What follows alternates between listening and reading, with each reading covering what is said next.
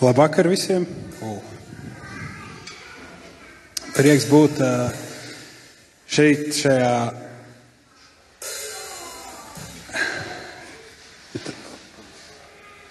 šeit dievkalpojumā, un prieks, ka varam, ka esam šeit, tāpēc, ka Dievs šodien dziedina un Dievs šodien atbrīvo. Un ja mēs tam neticētu, mēs tam visticamāk nebūtu. Un, uh, Mēs arī tam ticam, tāpēc mēs šeit pulcējamies, jo Dievs šodien dziedina, Dievs šodien atbrīvo. Dievs tas pats vakar, šodien un mūžīgi. Tas pats spēks, kas uzmanīja Kristu no mirušiem, ir šeit mūsu vidū.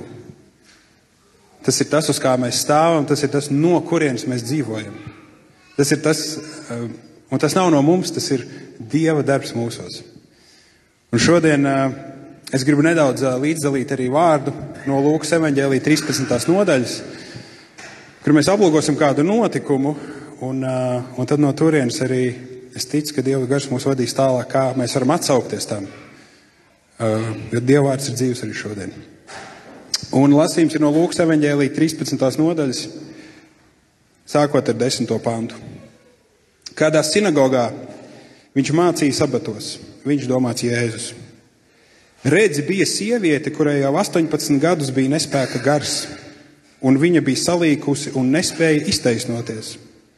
Jēzus viņu ieraudzījis, pieaicināja sev klāt un sacīja: Sieviete, tu, tu esi atbrīvota no savas slimības. Viņš tai uzlika rokas, un viņa tūdaļ iztaisnojās un sāka godināt Dievu. Bet sinagogas priekšnieks saskaities, ka Jēzus dziedina sabatā, vērsās pie ļaužu pūļa. Ir sešas dienas, kurās jāstrādā, tad nāciet tajās un topiet dziedināti, bet ne sabatā. Bet kungs viņam atbildēja: Liekuļi, vai tad sabatā jebkurš no jums neatraisa savu vērsi vai jēzeli no silas un neved to dzirdināt? Redzi, vai šo Abrahama meitu, kuru sātans ir turējis sasiet jau 18 gadus, nevajadzēja sabatā atbrīvot no saitēm? Viņam tā runājot, visi viņa pretinieki nokaunējās. Bet ļaužu pūlis priecājās par tām brīnumainajām lietām, kas notika caur viņu. Tas ir tā kunga vārds.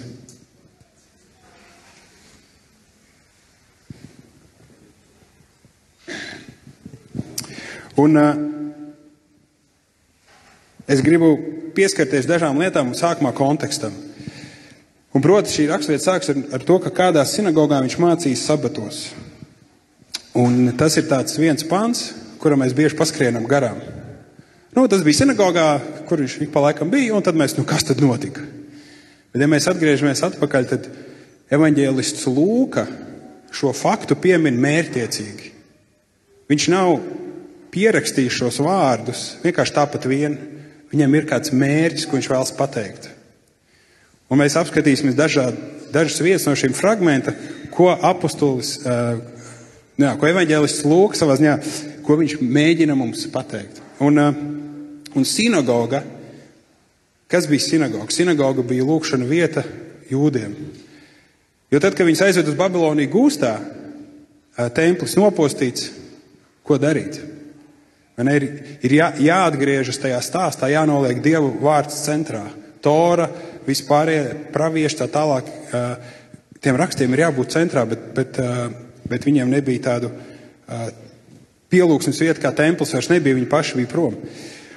Un, uh, tur var vēsturiski daudz debatēt, kur, kad, kādā veidā tā tālāk, bet sinagoga nekādā veidā nevienā brīdī neaizvietoja templi, jo viņi pat ieejas durvis būvēja prom no Jeruzalemes sinagogām.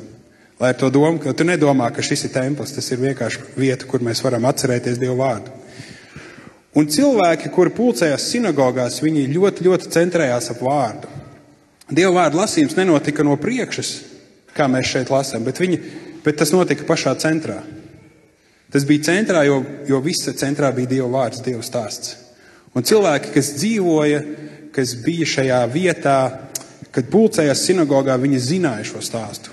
Jo katru gadu, regulāri sabatos esot sinagogā, tu vienu gadu laikā izgāji cauri visai torai, visām piecām pirmajām mūzika grāmatām. Un trīs gadu laikā izgāji cauri visām pārējām grāmatām. Tas bija vienkārši Dieva vārds. Viņos dzīvoja, viņi dzīvoja Dieva vārdā. Viņus laik zināja, atkārtoja, mācījās no galvas. Uh, un kas ir interesanti, viņiem bija pat uh, skolas, Viņi saprata, ja mēs Dieva vārdu nenodosim nākamajai paudzei, tad šis viss beidzās pēc 20 gadiem. Vienkārši nav vairs. Viņam bija tik svarīgi. Tāpēc pirmā, pirmā jaunākā skola bija, bija Bet Safer. Es nezinu par saviem uzsvariem, jā, ebreju valodā. Bet tas bija tas, kā viņi apmācīja bērnus svētajos rakstos. Un viņiem no 5 līdz 9 gadu vecumam bērni gāja cauri šīm Bet Safer. Un, un tad, kad tuvojās no absolvēšanai deviņgadīgie bērni, mācītājs, kurš mācīja viņiem rakstus, jebkurā vietā no piecām mūža grāmatām sāk citēt. Te viņš apstājās, pasaka tu, un tev ir jāturpina. Citēt vienkārši no galvas raksti. Tik ļoti viņi dzīvoja vārdā. Iedomājieties, tagad mēs, ja, varbūt kādam, es nezinu, vai šeit ir, ja, doktora grāts teoloģijā. Kurš no mums, jebkurš spētu kaut, kaut vai turēt līdzi. Bet saprotiet arī to, ka apmēram 1% tika uz nākamo līmeni. Ja. 99% lielākā daļa nebija tāda, kur 9 gadu vecumā varēja jā, citēt rakstus jebkurā vietā, bet kopumā liela daļa no vecās derības viņi zināja ļoti labi. Viņi zināja rakstus. Un tad nākamajā līmenī, kas bija Bet Midrash, no 10 līdz 13 gadiem, bija pārējais vecās derības grāmatas, tika mācītas. Un tieši tādā pašā veidā. Un tad tā atlase tiem, kas, kas riktīgi, riktīgi rakstus varēja skaidrot, bija ļoti, ļoti pamatīga un dziļa. Un tā ir vieta, kur Jēzus ienāk. Un, un tajā laikā arī sinagoga nekalpoja tikai rakstu lasīšanai. Tā bija vispār sabiedriska vieta, kur pulcēties, kur notiek tiesas prāvas, vienkārši tautas sapulces, vēl kaut kas, vai neatkarībā no tādas tās vietas, kur tā sinagoga ir. Lūk, nenorāda, kurā tieši sinagogā. Bet jebkurā gadījumā Tā ir sinagoga, kurā notiek šī praksa, kur viss centrējas ap Dievu vārdu. Un Jēzus, šis dzīvais Dieva vārds, ja, ir, ir tur iekšā, pašā centrā. Un viņš, un ir teikts, tā, kādā sinagogā viņš mācīja sabatos. Mēs nezinām, ko tieši Jēzus mācīja. Bet kamēr viņš māca, Lūka raksta tā, bija sieviete, kurai jau 18 gadus bija nespēka gars, un bija un viņa bija salīkusi un nespēja iztaisnoties. Un interesanti, ka Lūka min šos 18 gadus divas reizes dažu pantu laikā. Viņš min 11. pantā bija sieviete 18 gadus, un pēc tam 16. pantā redz, vai šo Abrahama meitu, kurš sātens ir turējis sasiet jau 18 gadus, nevajadzēja atbrīvot no saitēm. Un Lūka to dara ar mērķi. Nevis tas, ka cipars 18 ir tāds maģisks cipars. Tas nav stāsts par to. Bet es domāju, iespējams, tā ir mana spekulācija, bet es domāju, ka Lūka šo notikumu piefiksē, tāpēc, ka tie cilvēki, kas bija sinagogā, un ka Jēzus to akcentē, ka viņi zina Dieva tautas stāstu. Un soļu grāmatā divas reizes parādās notikums, un soļu grāmatas notikums viņi noteikti ļoti labi zināja parādās brīži, kur visa Izraēla tauta atkrīt no dieva un 18 gadus viņus paverdzina citas tautas. Trešajā nodaļā, pēc tam desmitajā nodaļā. Un abas reizes 18 gadus. Un es domāju, ka iespējams, ka Lūka mēģina salikt šīs paralēles. Ka tas, kas notiek šodien šeit pat, Viņ, viņš saka, tas Dieva stāsts turpinās. Tas nav nekas kaut kāds pilnīgi jauns. Tas ir tas pats Dieva stāsts. Viņš turpinās, un, un Kristus atkal to uh, ieceļ, ja tā var teikt, jaunā realitātē. Un, uh, un tur ir uh, un tās tautas, kuras pavērdzināja Izraēlu tautu. Ja bija dažādas, bija filistieši, sidonieši un tā tālāk. Tā tālāk.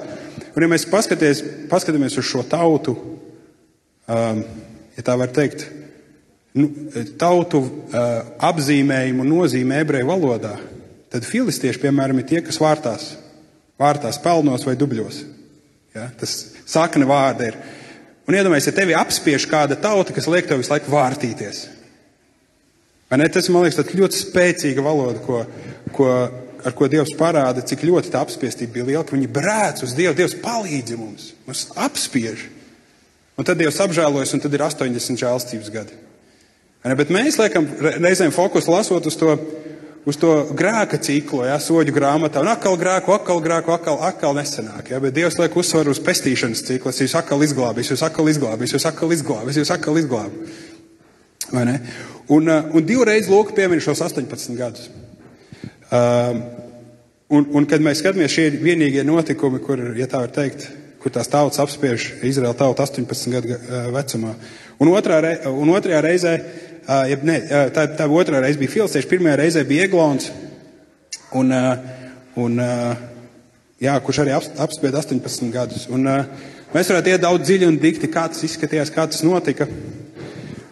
Bet tas, uz ko es gribu šodien kā, likt uzsvaru, ir tas, ka Jēzus, um, teikts 12. pantā, Jēzus viņu ieraudzīja. Vienalga, cik gadus tevi kaut kas apspiež. Tie var būt 18 gadi. Tas var būt 8 dienas tikai. Tie var būt vairāk gadi, 80, es nezinu. Vienalga, cik ilgi kaut kas tevi apspiež, Jēzus tevi ieraudzīja. Viņš tevi ir pamanījis. Šovakar, šodien, tur, kur tu esi, Jēzus tevi ir pamanījis. Viņš redz, viņš ļoti labi zina, kā tas ir būt tajā vietā, kur esi tu. Kad tu nāc uz to vietu, kur ir Dieva vārds, tu gribi zināt to ceļu, iet šo ceļu, dzīvot šo ceļu, bet kaut kas nesanāk. Kaut kas visu laiku iestrēdzina, vai kaut kur ir tā sasaistītība, ka nav brīvības. Varbūt kā mācītais Rēmons minēja, tas ir stāsts par emocijām. Kad iekšā ir, bet ārā nenāk. Man ir tas prieks par glābšanu un pateicību, bet ārā es, es nekad nespēju to izdzīvot. Varbūt tas, tā ir tā vieta, kur ir kaut kāda saistība. Es, ne, es, es nezinu, bet es zinu vienu. Dievs ir tevi pamanījis. Viņš tevi ir ieraudzījis. Un nākamā lieta, ko saku, viņš, viņš pieaicina sev klāt. Man liekas, ka Jēzus grib kad visi, kas tur ir, to piedzīvo. Un, un tas, ko mēs darīsim, tas būs nedaudz vēlāk, kad es būšu beidzis dalīties par šo raksturvietu.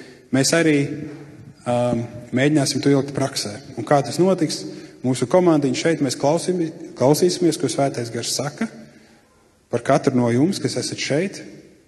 Un, uh, un tad uh, mēs to izdalīsim. Un jums būs iespēja atsaukties. Varbūt šeit ir kāds, kuram ir tas un tas, tas un tas. Un, un tās būs lietas, ko svētais garš uzrāda. Tas nav kaut kas, ko mēs jau tagad zinām, bet mēs ticam, ka svētais garš parādīs. Varbūt kādi no jums jau nākat ar to, vien, ar vien, ar to vienu lietu vai divām lietām, kas jums tik ļoti, ļoti ir svarīgi, ka Dievs to beidzot atbrīvo šo jomu vai dziedina kaut ko tādu. Jēzus tevi ir pamanījis. Viņš redz tevi. Un, un tālāk šajā notikumā Um, viņš saka, sieviete, tu esi atbrīvota no savas slimības. Un uh, Lūka saka, ka tas iemesls, kāpēc viņa bija saliekusies, bija tas, ka bija nespēka gars. Tātad bija ļauns gars, kas viņu bija saliecis un ka viņa nevarēja iztaisnoties. Un 18 gadus viņa dzīvoja šo fizisko defektu, šo kaiti, bet tā sakne bija garīga. Tas bija gars, kas to darīja. Un uh, arī kalpojot uh, ar atbrīvošanu, mēs pavisam nesen kalpojām vienai, vienai māsai Kristū, kurā, kurai bija teica, biežas fiziskas galvas sāpes. Un mēs kalpojam ar atbrīvošanu, saka, vairs, mēs padzenam garus, un viņi vairs sāpes nejūt. Tie ir gari, kas vienkārši rada to fizisko efektu arī. Un, un nav varbūt tāda ļoti tieša līnija, tā šeit ir atbrīvošana, tad te beidzās atbrīvošana, un te sākas dziedināšana. Tas reizēm ir tāds, nu, divi vienā, vai ne? Kad mēs tiekam dziedināti, arī kāds gars aiziet, vai arī mēs tiekam atbrīvoti, arī kāda slimība aiziet. Un, un šeit notiek tas pats. Viņš saka, sieviete, es atbrīvot no savas slimības. Un, un šis, jā, šis gars arī viņu pamata, viņa var iztaisnoties. Un kas ir interesanti, ka Jēzus, tad, protams, sinagogas priekšnieks saceļ traci, kas te notiek, sabatā tā nedrīkst ja tas tiek uzskatīts kā darbs, ja, ka viņš tagad ir padarījis darbu un, un saceļ trāci un tā tālāk, un tad, ja es viņu konfrontē, viņš parāda šo mīlestību un līdzcietību. Un viņš šo sievieti ir pamanījis, un viņš vēl pasaka komplimentu. Viņš saka 16. pantā, vai šo Ābrahāma meitu, kuru sātens turēja sasiet jau 18 gadus, nevajadzēja sabatā atbrīvot no saitēm. Jēzus viņu nosauc par Ābrahama meitu. Tas nozīmē, ka tu vari būt ticīgs. Tu vari, saņemt, tu vari, tavu ticību var būt kā Abrahama meitai vai dēlam, bet joprojām vari būt saistīts. Bet Jēzus nesamierinās ar to. Viņam ir svarīgi, ka tu vari būt brīvs, tu vari būt brīva. Un, un viņš, vi, Dieva valstība notiek vienkārši šajā notikumā. Un, un tas ir, man, manuprāt, tas sabats tiek pieminēts kā tāda likumiska uh, lieta, ko Jēzus pārkāpj. Un, uh, un sabatā pēc dieva nodoma tā ir vieta, kur es varu atpūsties no visiem saviem darbiem. Ne mans ēzelis, ne mans kalps, nekas, neviens, visi atpūšas. Ja? Mana mašīna atpūšas, mans dators atpūšas, mans telefons atpūšas no manis. Es atpūšos, visi atpūšas. Bet, ja mēs esam saistīti kaut kur, mēs līdz galam nevaram atdusēties, atpūsties. Ir kaut kāds saspringums, mm, man vēl jāizdara tas, tas, tas, un vēl tas nav izdarīts, un es neesmu paspējis to izdarīt, un tā tālāk. Un ir kaut kas, kas dzen, kas vienkārši saliec, un es redzu, ka tā, jā. Un iespējams, tevi šovakar Dievs grib atbrīvot no tām raizēm, no tām rūpēm, bezdievīgām, demoniskām rūpēm par to, kur tu neko nevar ietekmēt īstenībā. Vai ne? Uh, varbūt tas ir kāds uh, rūkums, un nespēja pateikties, kas tevi tur. Un, uh, un tu nevari īsti ieiet tādā sabatā, tādā adusā. Jo visu laiku ir kaut kas, jā, bet tāds. Uh, ne visu laiku kāds ir kaut kur vainīgs, kāds ir kaut kur tiek apsūdzēts galvā. Vai varbūt Dievs pat tiek apsūdzēts. Ka diev, Dievs ir tas, kura dēļ man tagad ir šī tik grūti. Un tas ir tas, kas. Un, un saprotiet, pareizi, mēs piederam Dievam. Ja mēs ticam Kristum, kā mūsu pestītājiem, mēs esam viņa īpašums mūžīgi. Bet joprojām vēlams var kaut kur saistīt mūs, tie dēmoni var mūs saistīt un grib mūs paturēt tajā. Un, ja es to redzu, viņš mūs ierauga, saka, nāc šurp. Un tad tā sieviete ir jāatsaucās, viņai ir jānāk. Vai ne? Viņa nepaliek tur sēž. Viņš pieaicina sev klāt. Tas nozīmē, viņai ir jāceļās un jāiet pie Jēzus. Un visi sinagogā tagad, tuf, kas notiks? Viņi ies vai neies. Vai ne? Un viņi iet, viņi saņem atbrīvošanu, saņem brīvību. Un arī mēs šovakar būs iespēja atsaukties. Jūs zināt, ka es jūs pamanīju, jūs paši ļoti labi zinat, kur ir nebrīvība, kur ir sasaistītība, varbūt kādas slimības, kādas kaitas, sāpes. Un ja es saku, nāc, jums būs iespēja piecelties un iet, saņemt aizlūgšanu. Tas ir tas, mē, kāpēc mēs šo visu darām. Tas nav vienkārši tāpēc, lai uh, tikai kaut ko izskaidrotu, arī tas ir svarīgi, bet, bet galvenais, ka mēs gribam, ka mēs varam to arī piedzīvot. Jo tas vārds, kas ir piedzīvots, tas vārds ir kļūst īsts vārds, dzīves. Tas vārds, kas vienkārši ir iemācīts, viņš turpat arī kaut kur izdziest. Un mēs ļoti gribam, ka, ka tas vārds, ko mēs šodien dzirdam, var kļūt par dzīvu vārdu mūsu vidū. Un, uh, un tas, uh, un tad, kad Jēzus atbrīvo un dziedina, es ticu, ka tad tas kļūst par patiesu sabatu šai sievietei. Viņa beidzot var atdusēties. Viņa visu laiku cīnījusies ar to nespēku. Saviem spēkiem, turējusies pie ticības izmisīgi, bet joprojām ir bijusi saistīta. Un kad Jēzus atbrīvo, Viņi var beidzot baudīt sabatu, baudīt šo ieiešanu Dieva atdusā. Arī vēstulē ebrejiem teiks, ka, ka, ka tā ir tā kā ieiešana Dieva atdusā, Dieva atpūtā. Ka tas ir tas, kur, kur Dievs mūs ieaicina. Un vienalga, kas tevi sasien, Dievs grib tevi atbrīvot. Arī šodien. Un es domāju, ka es, man te vairs nav ļoti daudz ko teikt. Um, man reiz mācītājs uh, Oskars mūsu draudzē trīs minūtes pirms dievkalpojuma teica, Ulu, šodien tu sludini. Un es sludināju stundu. Šo es zināju jau trīs mēnešus. Un sludinu divreiz, trīsreiz mazāk, vai ne? Bet tas nav stāsts par, par ilgumu un minūtēm. Stāsts ir par to, ko Dievs grib darīt mūsu vidū šodien.